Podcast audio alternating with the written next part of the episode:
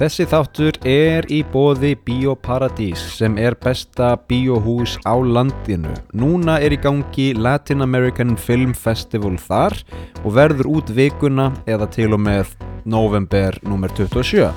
Um, við erum að tala um bíómyndir frá Chile, Kolumbíu, Argentínu, Venezuela og fleira gott stöf.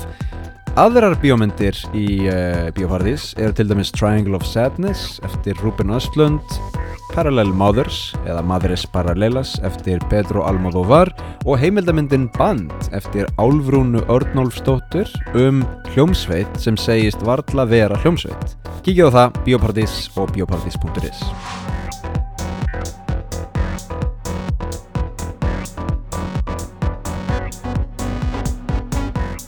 Gott fólk, verið velkomin í þátt númer 62. Það er hlaðvarpið heimsendir sem heilsar frá Tókjó. Þetta er lífið í Tókjó þáttur. Ég sitt hérna einn uh, í stofunni heima. Kötturinn er úti á túnni, úti í gardi á beit. Um, það er morgun og það er búið að vera svona svolítið íslenskt veður på síðkastið, rigning og smá vindur eitt hérna samt uh, bara svona í byrjun sko á Íslandi, þegar maður býr á Íslandi þá er stundum ágætt veður og mjög oft vond veður. Og ég einhvern veginn áður en ég kom til Japan þá ímyndaði mér bara, já ég meina í Japan þá er örgulega líka bara stundum gott veður og stundum vond veður. En staðindin er svo að hér er aldrei vond veður sko, það er bara það er bara svona mjög gott veður og ekki alveg jafn gott veður. Um, ég hugsa að Íslandingar sko sem hafa ekki búið erlendis átti sig ekki á því. Veður á Íslandi er ekki meðfærilegt, það er erfitt uh, og hérna í Japan þó að sko fólki í kringum mig kalli e- eitt og annað vond veður það er ekkert vond veður hér. Það er alltaf bara frábært uh, sko, stuttermabóls veður uh, og svo stundum smá rigning inn á milli en ekkert alvarlegt. Hörðu, nú vil kotturinn koma inn, hingrið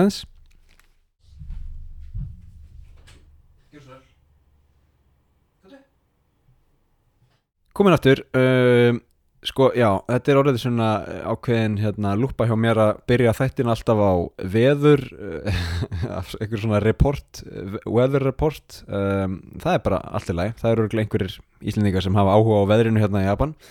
En þessi þáttur er eins og ég segi lífið í Tókjó mér langar að fjallum eitt svona aðalmálefni sem er uh, hentai menning mhm japanskur pervert myndu sumi segja. Um, smá svona uh, viðvörun, aðvörun. Sumt af því sem ég er að fara að tala um gæti mögulega verið triggerandi fyrir einhverja. Þannig að bara vitið af því. Ég er að fara að tala um hentai sem er uh, tengt uh, japansku samfélagi, japanskri sögu. Uh, tengist líka klámiðnaðinum hérna og bara þið vitið af því að einhvað, einhvað, af, þessu, einhvað af þessu gæti mögulega verið smá triggerandi Ok, uh, sko, síðan langar mig að fara í, í einn fastan dagskrálið, það er uh, hljóð eða lag vikunar og svo tekið nokkra punkta aðeins tónast til að staðsetja okkur hérna í lífi mínu í Tókjó. En byrjum á stóra málefni dagsins hentai menning í Japan.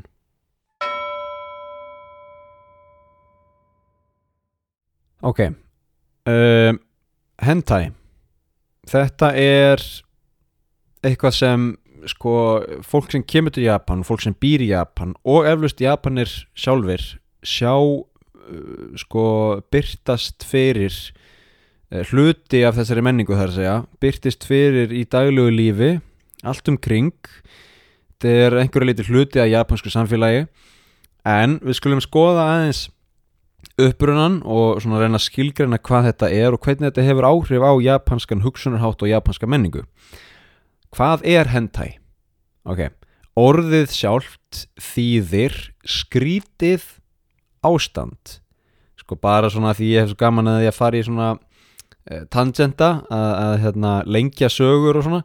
Hentai sko, eða japansk orð öllu heldur er oft samsett úr tveimur kanji táknum, tveimur kínverskum táknum í þessu tilfelli hen og tai og hen þýðir þá skrítið og tai þýðir einhvers konar ástand eða condition. Skrítið ástand en er oftast þýtt sem einhvers konar pervertismi eða perversmi. Perversmi? pervertismi, ok, segjum það. Um, hentai kemur aðalega úr heimi anime sem er japanska orðið yfir animation eða teiknumyndir og manga sem eru teiknumyndasögur uh, skilgreiningin er þessi. Hentai er tegund japanskra teiknumynda þar sem personur eru kyngerðar á mjög yktan hátt. Til að þýða þetta er basically teiknumyndaklám ok uh, slíkt klám eða slíkar sko erotískar myndir eða hvað sem fólk, fólk vil kalla það á sér mjög langa sögu í Japan og Japan á fyrri tímum uh, var mjög svona opið land fyrir alls konar erotík í myndum og, og þú veist, uh, það eru til teikningar og málverk frá Japan frá 17. og 18. öld þar sem bara alls konar er verið að sína sko um, þannig að þannig að Japan var svona einhvern liti mjög opið þar á þeim tíma uh, allavega gagmart sinni eiginlist en uh, síðan kemur Meiji endurreisnin árið 1868 ja, hingri aðeins, nú vil kotturinn fara út. Já, uh, sem sagt Meiji endurreisnin kemur 1868 og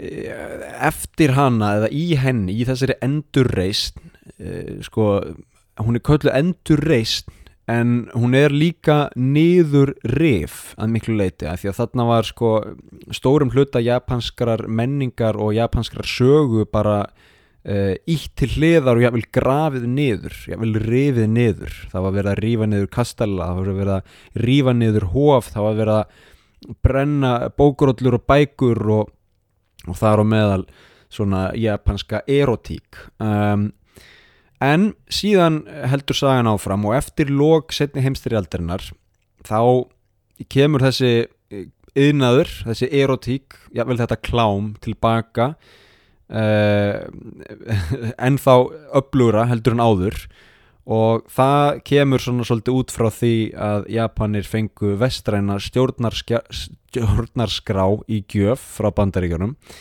Uh, þar sem var mun meira frelsi í fjölmiðlum og skemmtana yðnaði þar á meðal í klám yðnaðinum um, sem sagt frá með endalögum setni heimstyrjaldar þá kemur svona Eh, fer, fer uh, skemmtarnaðinnaðurinn aftur, aftur á stað og, og sérstaklega klámiðinnaðurinn líka í Japan. Uh, ég var svitnar hérna við að tala um svona hluti. Uh, en sem sagt það má segja að þegar kemur að þessu hentai sem er ákveðin svona tegund af japanskum teiknimendum sem tengist þessu klámi, teiknimendaklám Þar var nýjum hæðum náð árið 1984 með útgáfu Lolita-seríunar sem er anime klámserja þar sem eitt megin þemað eru ungar stelpur eldar af gömlum gaurum. Ok? Nafnið kemur auglustlega frá skáldsögunni Lolita eftir Vladimir Nabokov sem eh, kom út 1955 þau ykkur sem hafa lesið þá skáldsögu vita kannski e, þemað og e, það er hið sama.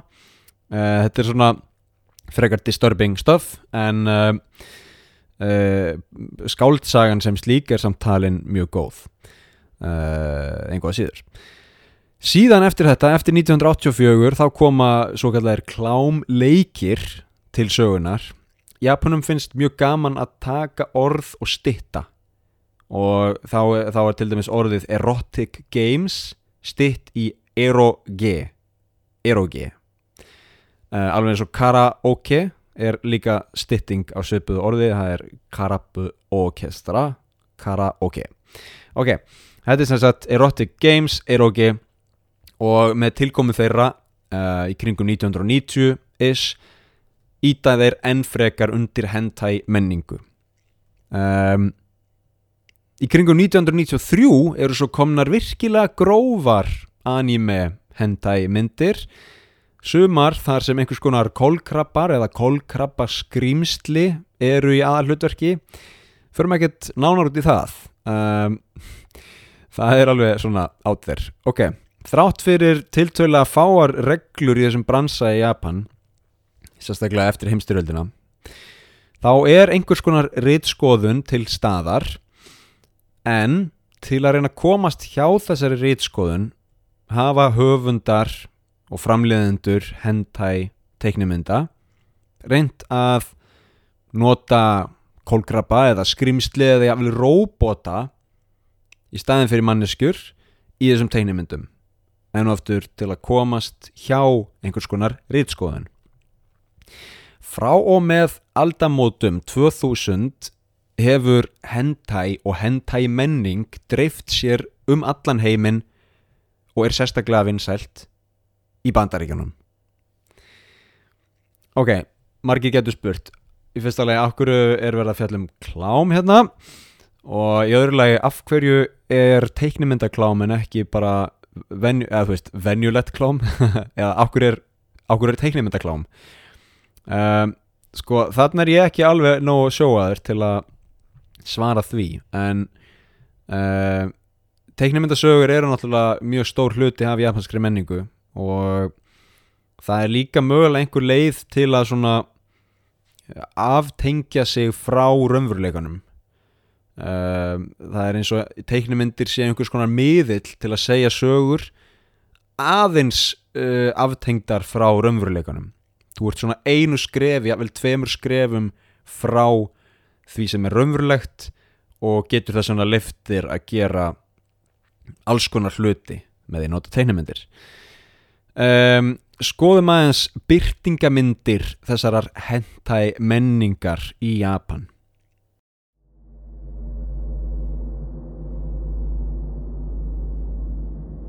Eitt orð sem þarf að hafa í huga er orðið otaku um, stundum hef ég þýtt það sem nörd og það getur verið það en það er svona svolítið sérstæðara kannski. Þetta er meira fólk sem elskar manga, anime, tölfur og tölvuleiki. Þetta getur líka sérstaklega í, í dag getur þetta líka átt við um uh, önnur áhugamál eins og eiga uh, eiga otaku sem er bíómyndanörd. Ég er það, ég er eiga otaku um, orðið var mun neikvæðara heldur en það er nútildags um, þetta var svona einhver leiti uh, já, neikvægt orð sem hún gast hend í fólk. En núna er miklu algengar að fólk lýsi sjálfu sér sem einhvers konar ótakku já maður, ég get ekki hægt ég fer alltaf í hérna, fjallgöngur, ég er bara svona fjallgöngu ótakku hiking og otaku þú veist, fólk er farið að nota þetta um miklu meiri, fleiri áhugamál. Um, en í grunninn þá byrjar hentai menning að einhverju leiti í kringum þessa otaku menningu um, í kringum teiknumyndasögur, manga, anime og tölvuleiki. Og þar sem orðið eða þar sem sko menningin í kringum ótakku er miklu algengari og, og samþyktari nú til dags heldur hún var í gamla daga þá einhvern veginn fylgir hendhæ með í kaupæti og er það að einhverju leiti líka.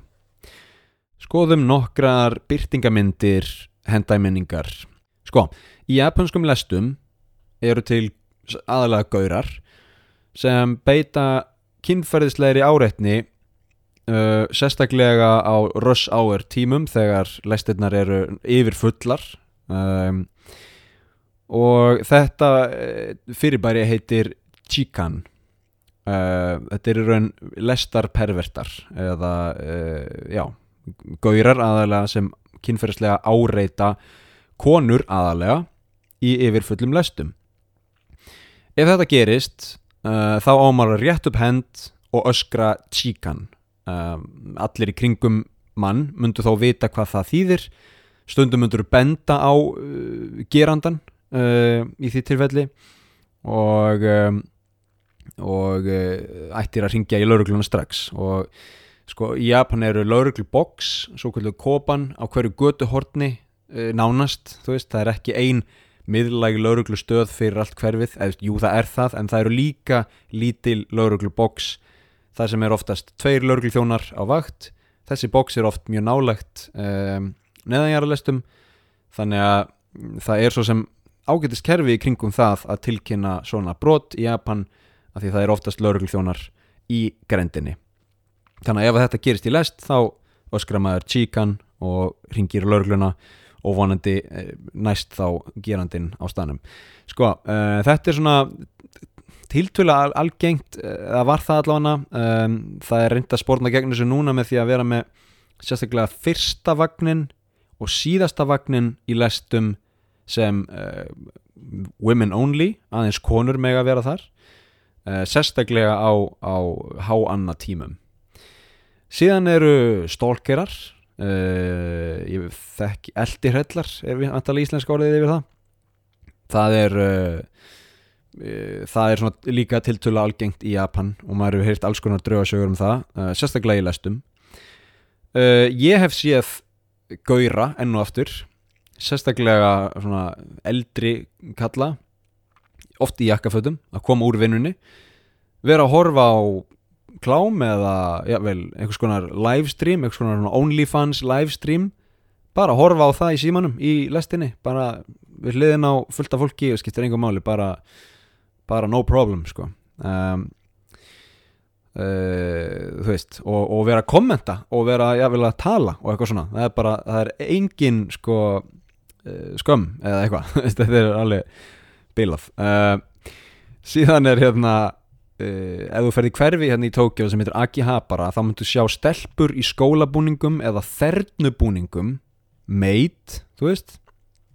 Oftast eru þetta nú ekki blessunlega stelpur á skólabúninga aldri en það er eitthvað svona, eitthvað í menningunni hérna þar sem, þar sem uh, sérstaklega gaurum enn og aftur, finnst skemmtilegt að fara á til dæmis kaffihús þar sem uh, þjónarnir eru konur í skólabúningum eða þernubúningum uh, kaffihús eða barir eða jafnvel nuttstofur, eitthvað svona. Þetta er allt sko, myndi ég segja hluti af hentæ menningu Uh, og ég er svona ástæðan fyrir því að ég er fjallum þetta í þessum þætti er að því að ég er með ákveðna kenningu hérna sem er að koma kjóma fram. Uh, en uh, margir myndu kannski ítat á móti og, og segja nei, nei, nei, nei, þetta er ekki það sama. Hendæg menning er, er hérna, bara góð og hérna og mjög hérna, hvað sem er algjörlega skadlaus eða eitthvað svona hún er ekki ít undir kynferðslega áreitni eða neitt hannu en ég er með aðra kenningu. Allavega um hver eru ástæðuna fyrir því að, að uh, það er svona hendæmenning annars vegar og svo um, kynferðslega áreitni og, og tíkan í læstinni og, og eld, eldirhellir og eldirhellar og, og allt þetta dótt, af hverju er þetta? Sko, í fyrsta lagi er Japan ekki komið jafn langt og til dæmis Ísland í vitundarvakningu í kringum MeToo-byltinguna og réttindabaróttu hvenna. Um, það var hérna ákveðin MeToo-bylting árið 2018 en hún einhvern veginn náði ekki náði ekki af stað sko það var einn kona uh, Shiori Ito sem kom fram árið 2018 og, og, og sagði frá sinni MeToo-sögu hún fekk bara mikla gaggrinni og, og svo kallar slut-shaming eða drusluskömm frá uh, samfélaginu. Frá bæði uh, hátsettum körlum en líka bara almenningi. Um, og eins og ég segi þannig að MeToo-bildingin náði, náði ekki hérna, fótfæstu þar.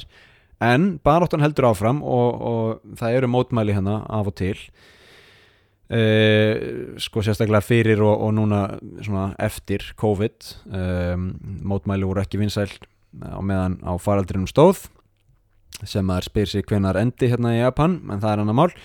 Um, sko, eitt megin vandamálið með kynferðislega áreitni í Japan er að til dæmis þessir chikan, lestarperrar og stólkerar, eldirhellar virðast ekki skilja alvarleika gjörða sinna. Halda kannski bara að þetta sé smá trublandi eða smá óþægilegt en ekkert meir en það. Uh, og, og, og margir af þessum enn og aftur gaurum eru tilbúnir til að gera ótrúlegastu hluti til að ná fram vilja sínum. Árið 2015 faldi einn gaur sig í holræsi til að taka myndir af kvenkins vegfarandum eins og trúðurinn í myndinni 1 ok? Uh, ef kemst upp um tíkan í lestum stökka þeir oft út á lestarteinana og reyna að flýja. Sumir hafa jáfnvel orðið fyrir lest í slíkri flóttatilraun sem er ekki gott. Sumir uh, þykjast vera blindir sumir klæðið sig eins og konur.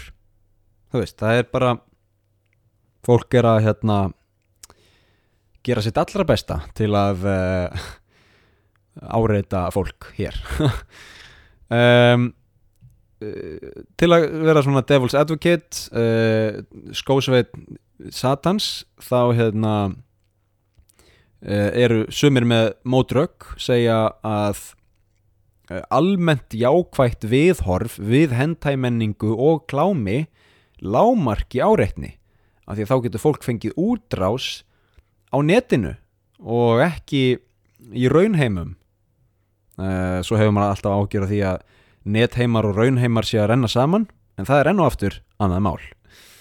Um, ég held að þessi mótrög standist ekki í skoðun. Uh, sko mín reynsla af Japan er að Japan er svona e, já, hentæmenning blæðir inn í almenna menningu og og sko það sem byrjaði sem hentæ á einhverjum tjónbúndi er algjörlega orðið svona eh, bara viðurkent viðhorf almennings. Flestir gaurar sem ég tala við sko japanskir þó að hérna margir kunni sig og allt það eru samt með einhvers konar hendæ skoðanir eða, eða hérna þú veist, maður spyr hva, hvað sérðu í maka þínum? eða hvað einhvern veginn hérna, af, af hverju hrífstu þegar kemur að, að stelpum? Og þá er, þú veist, þá er oft bara tekið beint upp úr einhvers konar hendæ orðabók sko. Um, lítil og sæt eða whatever, þú veist. Uh, þetta er þetta er sko maður verður sveittur að tala um svona rugl. Uh, annað uh, mál. Sko, ok, til að bara draga þetta saman og koma fram með kenninguna mína. Ég, sko, ég held að, að hendæmenning sé um, geti mögulega verið bara jákvæð að einhver leiti en um, ég held að fólk í Japan átti sig ekki á sko, skil, skiljónum þú veist. Hér er ákveðin menningar jaðar þetta er ákveðin afkými og og það er bara gott að blessa en við skulum ekki draga það inn í uh, almenn samskipti milli til dæmis uh, karla og kvenna uh, veist, við skulum ekki láta þennan menningar afkýma blæða inn í veruleikan, raunveruleikan af því að það bara stennst ekki skoðun, það bara meikar ekki sens. Henda er ekki raunveruleikin, henda er ekki raunverulegt. Um, uh, þú veist þannig að ég held að Japan þurfi að svolítið að passa sig og sérstaklega gaurar í Japan. Og þá væntalega þú veist ég veit ekki mentakerfið og, og ríkið og allt það þá þurfa aðeins að fara að skoða þetta. Af því að, að mér sýnist uh, hendæmenning vera svona svolítið uh, gúttiruð hjá almenningi og sérstaklega hjá gaurum. Um, það er mín kenning. Og ég held að þurfum við þarna aðeins að skilja á milli. Ok um, Japan er stórt og fjölbreytt land auðvitað er til alls konar fólk hérna uh, þú veist og, og auðvitað er ekkit, ég er ekkit að alhafa það er ekki allir hérna sem, sem sjá ekki skilin milli hendæmenningar uh, annarsvegar og, og raunveruleika hinsvegar um, og mögulega er eins og ég segi einhverju jákvæði þættir og, og sem og neikvæðir við þetta allt saman. En en uh, verandi búandi hér í Japan þá tekum maður eftir svona og, og setur spurningamerki við eitt og annað. Um, ástæðan fyrir því að ég er að tala um þetta og ég feg bara beint í það er að því að uh, ég var að lappa um Shibuya um daginn, ég lappa hérna um Shibuya mjög oft uh, af því ég bý bara mjög nálægt Shibuya og vinnan mín, uh, sagt, skrifstofan þar sem ég leiði skrifborð er í Shibuya. Í Shibuya sem er svona miðbær unga fólksins tónlist og barir og veitingastæðir og klúpar og svona Shibuya, þar sér maður oft keirandi auðlýsingar mm hvað er það? Uh, svo kallað Kokoku Toraku uh, eða auðlýsingatrukkar uh, þetta eru basically vörubílar sem keira um Shibuya. Blasta út tónlist og eru með upplýst auglýsingaskilti á hliðunum. Fyrirtæki, hljómsveitir uh, tankrems uh, týpur og fleira leia svona auglýsingatrukka borga 2-3 miljónir fyrir eina viku og fá þessa trukka til að keira bara í ringi, vera bara á rúndinum í Shibuya fyrir gangandi vekkfarendur að, að horfa á og dástaf um, það er líka hægt að sjá sko, pólitíkusa stundum keira um með hátalar á þakinu og, og uh, flytja einhvers konar áróður. Uh, þetta er sérstaklega uh, vinsælt hjá hægri sinnuðum, hægri hópum og ég vil öfga hægri hópum um, sem keira um og, og bá svona út burt með rúsneska sendiráðið eða eitthvað svona burt með Kína eða eitthvað svona. Það eru hægri öfgar hérna í Japan þá mætir löggan oft með hljóðnema af því að hún vil mæla decibelin sem koma út úr hátálurunum og sjá hérna, hörðu þú fóst yfir þetta, nú get ég handekið þig. Veist, það er einhver svona eitthvað viðmið, þú mátt vera svona með svona mikinn háfaða en ekki meir en það. Þetta er svona og Japanin alltaf eru svo kurtisir að allar handtökur fara bara mjög kurtisilega fram. Hörðu vinnur, þú fóst yfir uh, hérna decibela fjöldan leifilegan, þannig að ég verði að handtaka þig. Já, já, ok, hægrið eða vinstri? Já, bara báðar hendur, já, takk. Eitthvað svona. Síðan sé maður partírútur eh, eða partistrætóa þú veist, strætisvagn nema það er eh, partí inn í honum. Eh, oftustu raðirnar eru áhörundur fremstu raðirnar, það er oft búið að taka þá sætin út eða eitthvað skonar gera eitthvað skonar dansgólf og þá ertu með idol. Og idol er bara japanska orðið yfir uh, frækt fólk. Og svona rútur keir oft um með kvenkins idol stelpur sem ennu oftur eru í skólabúningum eða þernubúningum eða einhvers konar búningum eru kyngerðar að miklu leiti uh, ég meina ofta tíðum er þetta bara stúlkna hljónsveit skiluru og bara er að syngja bara einhver lög og er bara hérna bara party, skiluru en það er eitthvað skrítið þegar uh, það eru, skiluru sex svona uh, stúlkur í einhverjum búningum að syngja inn í strætó og öftustur aðeinar eru áhöröndur og það eru bara gaurar yfir 50 þú veist, það er eitthvað skrítið við það, myndi ég segja. Ég meina það getur það, veist, það er ekki það getur ekki verið tónlistasmekkurinn. Það bara getur ekki verið. Um, margar ædol hljónsveitir í Japan eru mjög vinsælar og margar stúlkna hljónsveitir og, og stráka hljónsveitir eru mjög vinsælar og draga að sér fjölbreyttan hóp áhörönda uh, þú veist, jafnaldrar og jafnt uh, stelpur og strákar og, og, og fleira til en svo eru sumir hópar þar sem að áhöröndur eru aðalega gamlir gaurar. Þú veist, og þetta eru sérstaklega hópar þar sem stelpunar eru svona í skiluru um, getur verið enn en oftur skólabúningar eða einhvers konar svona já, kyngerðir búningar. Og ég set spurningamerki hérna þú veist, þegar maður er að lappa í Shibuya og þetta svona partírúta keirir fram hjá manni þá setur maður spurningamerki Þetta er ástæðan fyrir því að ég vildi fjalla eins um hendhæmenningu í Japan af því ég held að uh, sko ég held að þetta sé svona aðeins uh, komið út í öfgar hérna í Japan. Um, ég veit ekki neina lausnir við þessu en ég held bara að fólk þurfa að fara átt að segja á því að uh, þú veist eitt er eitt og hitt er annað. Og það, það getur, það er erfitt að vera hérna ég meina árið 2022 eru þú veist blötu fyrirtæki að selja klám skiluru, ég veit það ekki um, þetta er allan að ég set spurningamarki við þetta og, og mér finnst þetta merkilegt Uh, Þannig líkur um fjöllun minni um hentai-menningu í Japan. Ég verði náttúrulega til að heyra skoðanir fólks á þessu öllu saman. Uh, ég, uh, hérna, ég bara, eins og ég segi, enn og aftur, ég, ég er ekki sérfræðingur í þessu en mér finnst þetta áhugavert og þetta vakti aðtegli mína.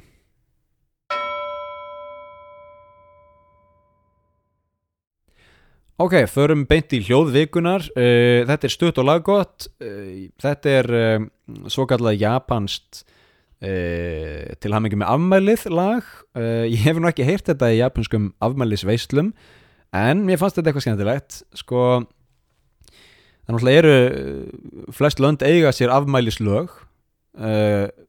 Hann eða hún á afmæli í dag og þú veist, á ennsku happy birthday to you. Og dönsku í dag er ræðsins flugsil í dag eða hérna, hvað er það, föðsilsdag. Húra, húra, húra með kægina og kægi til eitthvað svona.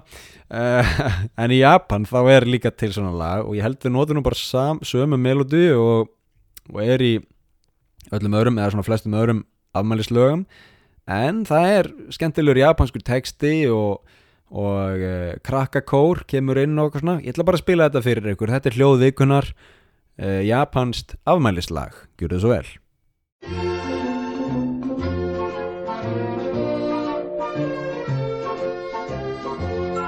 Ureshi da kjó Tanoshi da kjó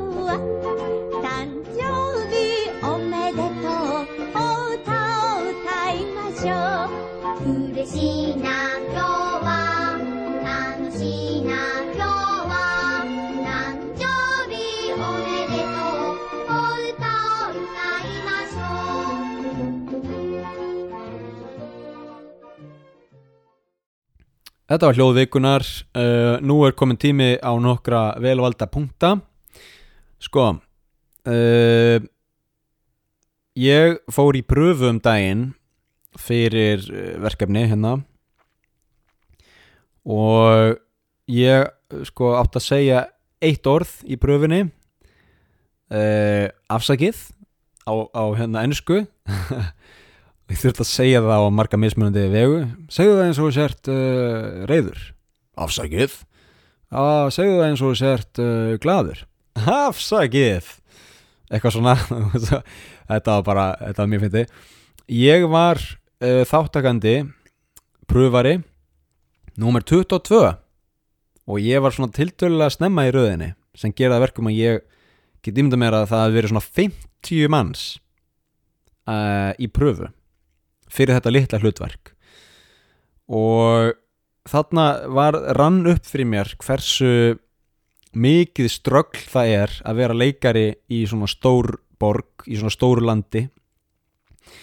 Ég get ímyndað mér að þetta sé alveg sama dót í LA og New York uh, og eflaust víðar.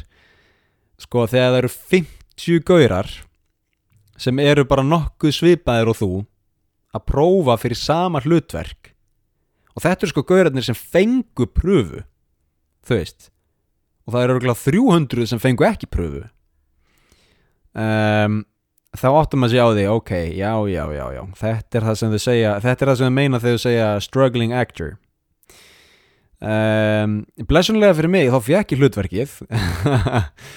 Og uh, þannig að nummer 22 varð fyrir valinu tökur hefjast í næstu viku þetta er bara stutt og laggott þetta er bara eitt tökudagur og lítið hlutverk en, en hérna, skemmtilegt einhvað síður og mér fannst svona e, þú veist ég meina á Íslandi, ég, ég, stærsta hlutverk sem ég fengi á Íslandi, það var ekki einu svona pröfa, það var bara self-tape. Ég bara tók upp myndband af sjálfum mér sendið inn og viku síðar bara hörðu, þú ert með hlutverkið, ekkert mandamál hérna vil, vil fólk sko oft bæði fá myndband svo þarf maður að koma í pröfu svo þarf maður kannski að koma aftur í pröfu og svo fær maður kannski ekki hlutverkið. Og þetta er ekki sko aðal hlutverki veist, þetta er bara auka hlutverki í lítill auðlýsingu þess vegna. Um, þannig að þetta er svona þetta er það sem meina með struggling actor. Uh, annar punktur. Þetta er svona mínu útgáfa af japansku horninu. Sko uh, það eru til mjög mörg orði í Japan sem eru mjög lík og þetta býr til alls konar vesen fyrir útlendinga sem er að læra japansku. Uh, eitt dæmi um þetta eru orðin damboru og damberu. Damboru og damberu þegar Íslendingar heyri þess, heyra þessi tvö orð þá hugsa þau eflaust uh, ég skil ekki neitt. Þetta meikar engarsens fyrir mér. En annað þessara orða er ennst orð og við höfum öll heyrta setna orðið damberu er dumbbell sem er uh, stöng eða lóð eitthvað sem maður notar í ræktinni. Ég verandi svona uh, wannabe ræktar rotta stundarliftingar og svona. Uh, þekki orðið dumbbell og uh, get sagt það við Japani hey, uh, can I get the dumbbell? En Japani myndi segja nani, hvað meinaru? Dumbbell, hvað er það? Hey, can I get the dumbbell ah, dumbbell ne? Ah, dumbbell það veist, þannig að maður þarf að segja þetta með japanskum hreim annars skilja þau ekki. Eðlilega, af því að þú veist, þetta er tökuorð uh, sem er bara orðið að japansku orði. Hitt orðið damboru þýðir pappakassi. Uh, ég hef ekki hugmynd um hvaðan þetta orð kemur damboru. Uh, og það, það er mikilvægt að vera með langt ó damboru. Uh, ég rugglast mjög oft á þessu tönnu ég segi hérna herðu, má ég fá damberu uh, í búð og þau segja uh, við seljum ekki lóð. Nei, nei, nei, nei, ég meina pappakassa. Ah, damboru. Já, já, það, það, það það veist. Uh, þetta er bara dæmi um hvernig japanskan er í smáatriðunum og, og nákvæmninni og ef þú rugglar einu atkvæði eða einum sérhljóða þá ertu komið allt annað orð og fólk mun ekki skilja þig. Jável þó að jável þó þú sért í rækt og sért að benda á lóð og segir pappakassi þá munum þau halda að þú sért að tala um pappakassa þau mun ekki segja auðvitað er hann að tala um lóð hann rugglaðist bara aðeins á orðinu. Nei, nei, nei, þau mun ekki skilja þig. Þetta er hérna uh, japanskan.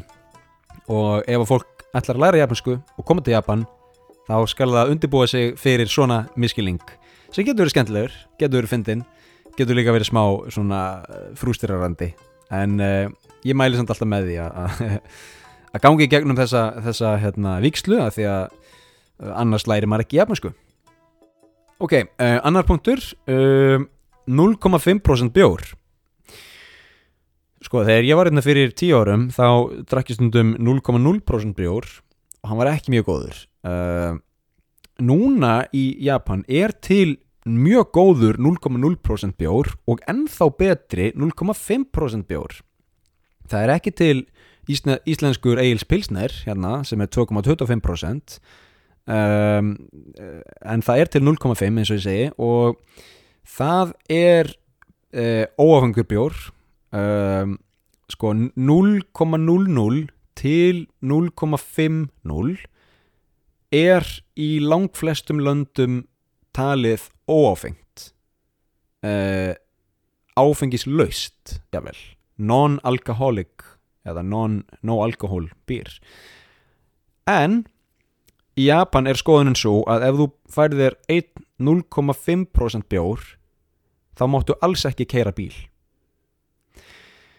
Um, sko nú þurfum við að setjast niður þú veist, það er alltaf erfitt að vera gaurinn sem segir uh, það er alltaf að drekka hérna, uh, smá og, fa og fara að keira veist, ég er ekki að segja það. En uh, við mögum ekki missa sjónar af almennri skinnsemi sko. 0,5% bjór er ofengur og það er sko uh, það er bara svona líffræðilega ekki hægt að uh, verða fyrir uh, þannig áhrifum að þú getur ekki keirt uh, ef þú drekkur einn 0,5% bjór. Ég er samt ekkert að hvetja fólk til að vera að drekka 0,5% bjór og keira ég er bara ekkert að segja það. En ég er bara pushing back hérna eins og Lex Friedman segir. Sko, ég held að þessi hættuleg þróun að, uh, sem, er, sem er oft þróunin í Japan að fólk einhvern veginn uh, setur reglur á einhvern stall og tilbyður reglur. Án þess að spurja sig meikar þetta sens, er þetta rétt? Er þessi regla að þjóna einhverjum tilgangi? Þú veist, það er ekkert verið að spurja um það. Það er bara að þetta er regla og reglur og reglur og við skulum gera þetta. Þetta er sama með grímuskilduna í Japan. Fólk spyr aldrei meikar þetta sens? Eh, er þetta eitthvað að hjálpa?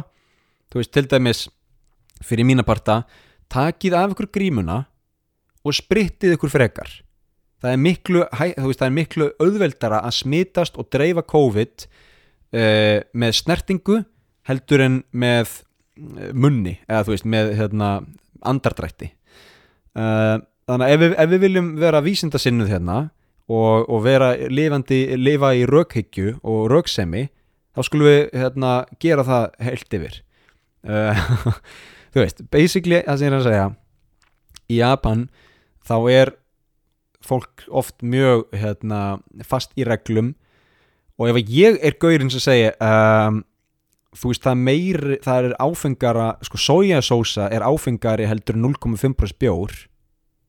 Allar að sleppa því að keira eftir sojasósu þú veist þá segja þú nei, nei ríkistjórnin sagði mér að 0,5% bjór er áfengur en að ekki trubla í reglunum mínum ekki ruggla í reglunum mínum.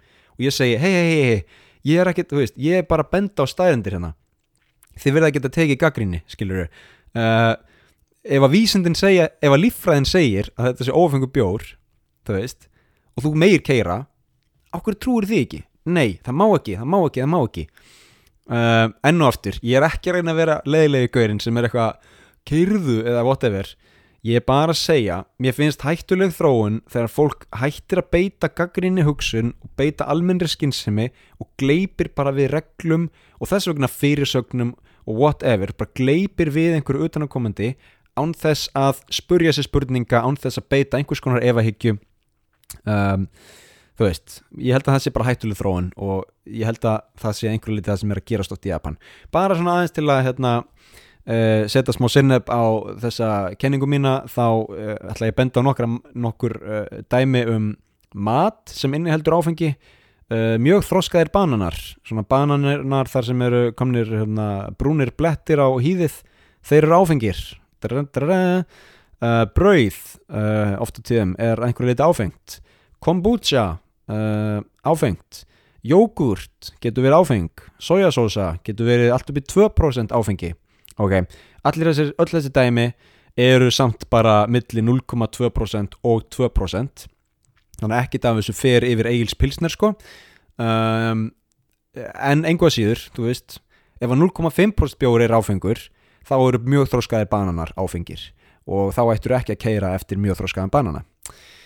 Þetta er bara svona, þú veist, líffræðin og vísindin og allt það. Um, ég myndi frekar byggja mínar skoðanir á, á, á staðnendum heldur en á uh, reglum eða einhverju sem ég hef heyrt uh, út um glöggan ok, talandum gerjað. Uh, NATO eru gerjaðar sojabönir og uh, mjög mikilvægur hluti af japanskri fæðu.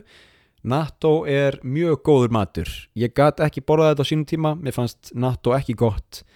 Mér fannst sko, ok, ef ég, ef ég á lýsa þessu NATO gerjar sojabönir þetta kemur í svona lítill plastöskju eða svona fröðplastöskju um, þetta er eins og að horfa á köngulóa egg mjög stór og brún uh, umvafin köngulóa vef einhvern veginn.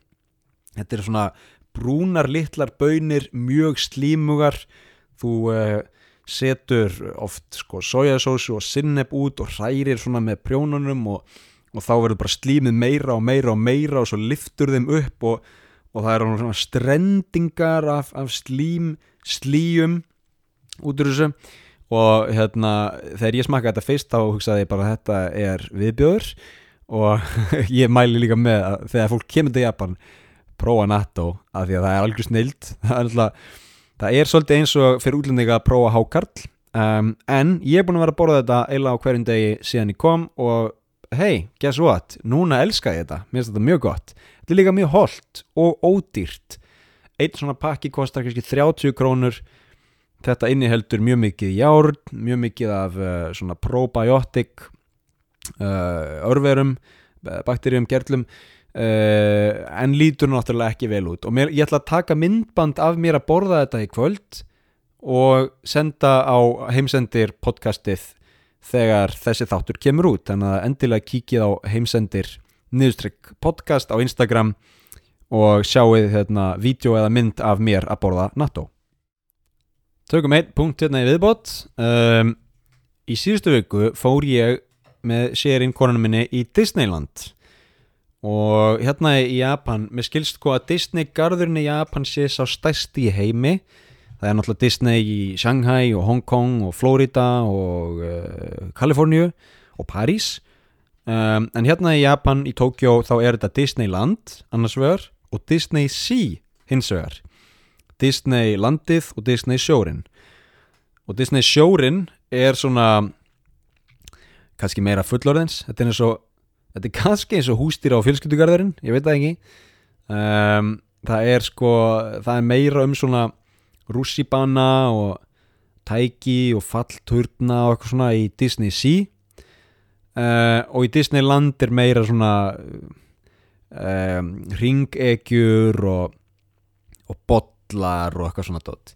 en þetta er bæði mjög skemmtilegt og sérstaklega ef maður er ef maður er svona Disney nötter eins og sýring konu mín sem elskar allt Disney um, ég, við fórum í hérna, Tom Sawyer Island og við fórum í nýja fríða nýja fríða og dýrið eh, tækið sem var hérna mjög töff uh, því vorum í einhverjum bolla sem var eins og svona hover ríksóa, svona iRobot ríksóa það var engir teinar í gólfinu við keirðum held ég með sko bara lofti, þetta var svona hoverkraft eitthvað. Um, og eða og sko botlarnir voru sko að bara ringsnúast og ringsnúast og margir á gólfinu en samt klæsti engin á hvern annan og einhvern veginn, þetta var mjög skrítið en mjög flott. Um, við fórum í Nightmare Before Christmas sem heitir sko Haunted, Haunted House eða Haunted Mansion eða eitthvað svona. Um, margt gott og góð tæki nema hvað og, og, og í, í byrjun á hérna deginum þá mættu við miðasöluna og ég á með gleruða mín. Ég nota gleru ég held sem er mínus 0,5 og mínus 0,5 uh, þetta er ekkert eitthvað brjálað en smá sjónskekkja og smá svona fínt að vera með gleru ef ég vil geta að lesa á skilti og svona ef ég vil vita hver klóset er til dæmis. Um, Þannig ég á með gleru Þannig ég gæti ekki verið með grímu. Í þrjú ár hef ég reynd að vera með grímu og gleru. Ég hef aldrei náð árangri í þeim málum. Ef ég er með grímu og gleru Þá móða ég upp glerugun Svo mikið að ég sé ekki bön Þannig að um, Og það er mjög erfitt að segja þetta við Japani Af því að nefið mitt er bara öðruvísi En japansk nef þannig að ég er bara glíma við allt öðruvísi vandamál heldur en mikið af þeim. Og uh, já, ég allavega uh, saði þetta við sérinn, herri, ég bara held ég ekki ekki með grími hérna. Hún sagði, uh, ok, segðu við starfsfólkið að þú sért með hérna, skin condition og getur ekki verið með gríma þess vegna.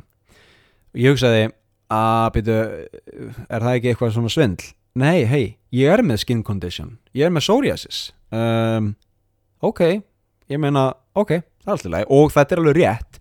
Ef ég nota grímu í langan tíma þá hérna, hefur uh, rakin undir grímunni neikvæð áhrif á húðuna í andlitunum mínum uh, þannig að þetta er alveg rétt. Þannig ég bara saði við hérna, ég saði bara við starfsfólkið á ennsku uh, sorry, I can't use a mask I have a skin condition. Og þau sögðu að tjóttamatti hlupu og náði annan starfsmann sem talaði smá ennsku og ég sagði aftur uh, sorry I can't use a mask, I have skin condition. Og hann sagði ah ok, ok uh, uh wait, wait a minute. Og kom með svona armband og setti armband á mig. Og ég gætt bara gengið um Disneyland án þess að vera með grímu og sínt armbandið. Og þú veist, bara algjör snilt uh, og, og enn og aftur ég ætla bara að taka það skýrt fram ég var ekki að svindla að ég er actually með húðsjúkdóm sem grímunótkun hefur neikvæð áhrif á plus það að ég get ekki nota grímu og gleru á sama tíma. Þannig að mér finnst þetta bara algjörlega megasens að ég notaði ekki grímu í Disneylandi plus það að nánast allt Disneyland er utan dýra og það bara meikar enga sens að nota grímu utan dýra það er ekki eins og uh, eh, það mikið að fólki Uh, jú, það er mjög mikið af fólki en það, þetta er svo opið svæði og allt það allavega um, við hérna, ég gerði þetta á og svo varð sérinn kona minn svona smá öfundsjúk uh, mér langar að fá svona armband líka og ég sagði er það ekki söndl? og hún sagði nei að ég er líka með skin condition, atopic disease og gríman hefur líka neðkvæð áhrif að það ok, go right ahead þannig að hún sko, verandi japansk sem, með japansku sem móðurmál fór til starfsfólksins og talaði ensku. Uh, excuse me, I have a skin condition. Af hverju voru að tala ensku? Jú, af því að ef við myndum tala japansku þá myndum við segja uh, með við fá vottorð frá lækni? En þú veist, ef við erum bara ferðamenn þá eru þau ekkert að segja það. Pluss það af hverju þarf ég að fá vottorð frá, frá lækni til að sína fram á að ég sé með ólæknandi sjúkdóm sem ég hef verið með síðan ég var krakki þú veist. Uh, jú, jú, ég skil alveg af hverju ég þarf að sína fram á vottorð með það en það er annar mál. Uh, allavega, við fengum bæði armbönd og vorum grímulaus í Disneylandi heilan dag en uh, svona ókosturinn við þetta var að við gátum aldrei talað japansku, við verðum að tala ensku allan daginn og við verðum að þykjast ekki skilja um, sem sagt uh, starfsfólkið. Uh, við verðum að og þú veist, við vorum að gera smá vesen út af því skilur að hérna, þau náttúrulega tala ekki ensku flest þannig að þau þurftu alltaf að ná í einhvern starfsmann sem talaði ensku. Við máttum ekki býða í röðum þú veist, þannig að við fórum í röð síðan kemur fólk og segir uh, afsakið getur sett upp grímu? Og við, við sínum armbandið og þau segja að ég skil, uh, komið hérna aðeins með mér. Hörru, ok, þið hérna af því að þið er ekki með grímu þá megið ekki býða í röð með öðru fólki. Þannig að uh, við setjum bara tæmir í gang, röðin er núna 100 mínútur, komið aftur eftir 100 mínútur og þá getið þið bara farið beint inn. Ok, frábært. Uh, ætlum við getum þá farið önnur tæki á meðan við býðum nei, þau náttúrulega sjá til þess að þú getur ekki verið að svindla þannig. Þannig að þú veist, á meðan þú ert að býða eftir einu tæki þá í raun er er, er, er ónótæft uh, miðin þinn er ónótæfur í önnur tæki sem eiga bara sens, við viljum ekki alveg fara fara hérna fram úr okkur í einhver skona svindli. En þetta var mjög merkilegt og veist, þetta var alveg þægilegt, það var þægilegt að vera ekki með grímu enn og aftur uh, til að hérna, ít ekki undir einhvers konar XM í andlitinu. Það var líka þægilegt að geta nota glerugu mín á þess að vera með grímu og á þess að móða þau upp alveg e- e- endalaust. En þetta var samt mjög skrítið að því við máttum ekki tala hérna japansku og við máttum ekki býða í röðum með öðru fólki, við verðum að vera svona til hliðar. Uh, þetta var mjög merkileg reynsla og þú veist, þarna ætla ég nú ekki að gaggrina eitt eða neitt. Uh, ég skil alveg að þessi grímuskylda í Disneylandi ég skil líka alveg að þessi grímuskylda í uh, bíó og leikhúsi og lestum. Um, ég bara uh, mér þykir óþægilegt að nota grímu sjálfur persónulega. Um, og mér fannst þjónustan hjá starffólkinu í, í Disneyland uh, vera til fyrirmyndar. Þau tóku mjög hérna, vel á mót okkur og síndu okkar skin condition mikinn skilning. Uh, þannig að þetta var svona áhugaverð upplöfun um, ég heldur sem bara komin á, á nokkuð góðan stað. Uh, ég er að fara hérna að gera eitt sem ég hef aldrei gert áður sem er að fara í yakiniku uh, hátægismat nú er ég á fastandi maga. Eftir einn klukkutíma er ég að fara í nautakjöts veistlu með félaga mínum. Um, hann bað um það. Og hérna ég hef aldrei borðað nautakjött í hádeginu. Allavega ekki svona mikið sko. Um, þannig að það verður áhugavert. En, en uh, ég byrð bara virkilega vel að hilsa hérna frá Japan og, og Tito Köttur minn gerir það svo sem líka. Um, sko þessi þáttur er í opinu dagskrá. Takk fyrir að hlusta. Takk fyrir að, að, að eh, vera hlustendur og, og eh, takk fyrir stöðningin ég vil minna á að þátturinn á undan þessum og þátturinn á eftir þessum eru í lokaðri dagskrá inn á patreon.com skástrygg heimsendir. Þátturinn sem kemur í næstu viku verður um hvernig Yakuza mafjan er í nútíma samfélagi í Japan, hvernig Yakuza er í, í Erlendis, hvernig Yakuza hegðar sér í bandaríkjónum, Suður Ameríku eh, og ég ætla að bera saman Yakuza dagsins í dag við til dæmis ítölsku mafíuna, albunsku mafíuna eh, allt þetta og meira til verður á patreon.com skástrygg heimsendir í næstu viku ef þið vildu vera svo væn að kíkja á það þá er því ég æfinlega þakklátur takk fyrir að hlusta og við heyrumst í næsta þætti